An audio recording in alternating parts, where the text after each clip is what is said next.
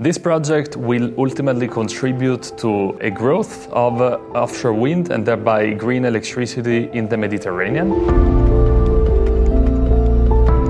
My name is Alessandro Monti and I'm an assistant professor at the Faculty of Law at the University of Copenhagen. My field of research is the interaction between energy, climate, and economic law. This project tries to address the challenge of providing a clear and uh, predictable legal and policy landscape for offshore wind that contributes to the growth of this sector in the Mediterranean. There are many challenges there, for instance, the issue of permitting, which is often characterized by long and rather complex procedures where many different authorities and stakeholders are involved. So there is a need to streamline these processes and to make it clearer and faster for the developers. And this is one of the issues that I'm working on and analyzing as part of this project. I hope that this project will contribute insights into what are the main challenges for offshore wind in the Mediterranean and how to tackle them. I hope to provide actionable recommendations that will enable policymakers to make decisions that will contribute to the sustainable growth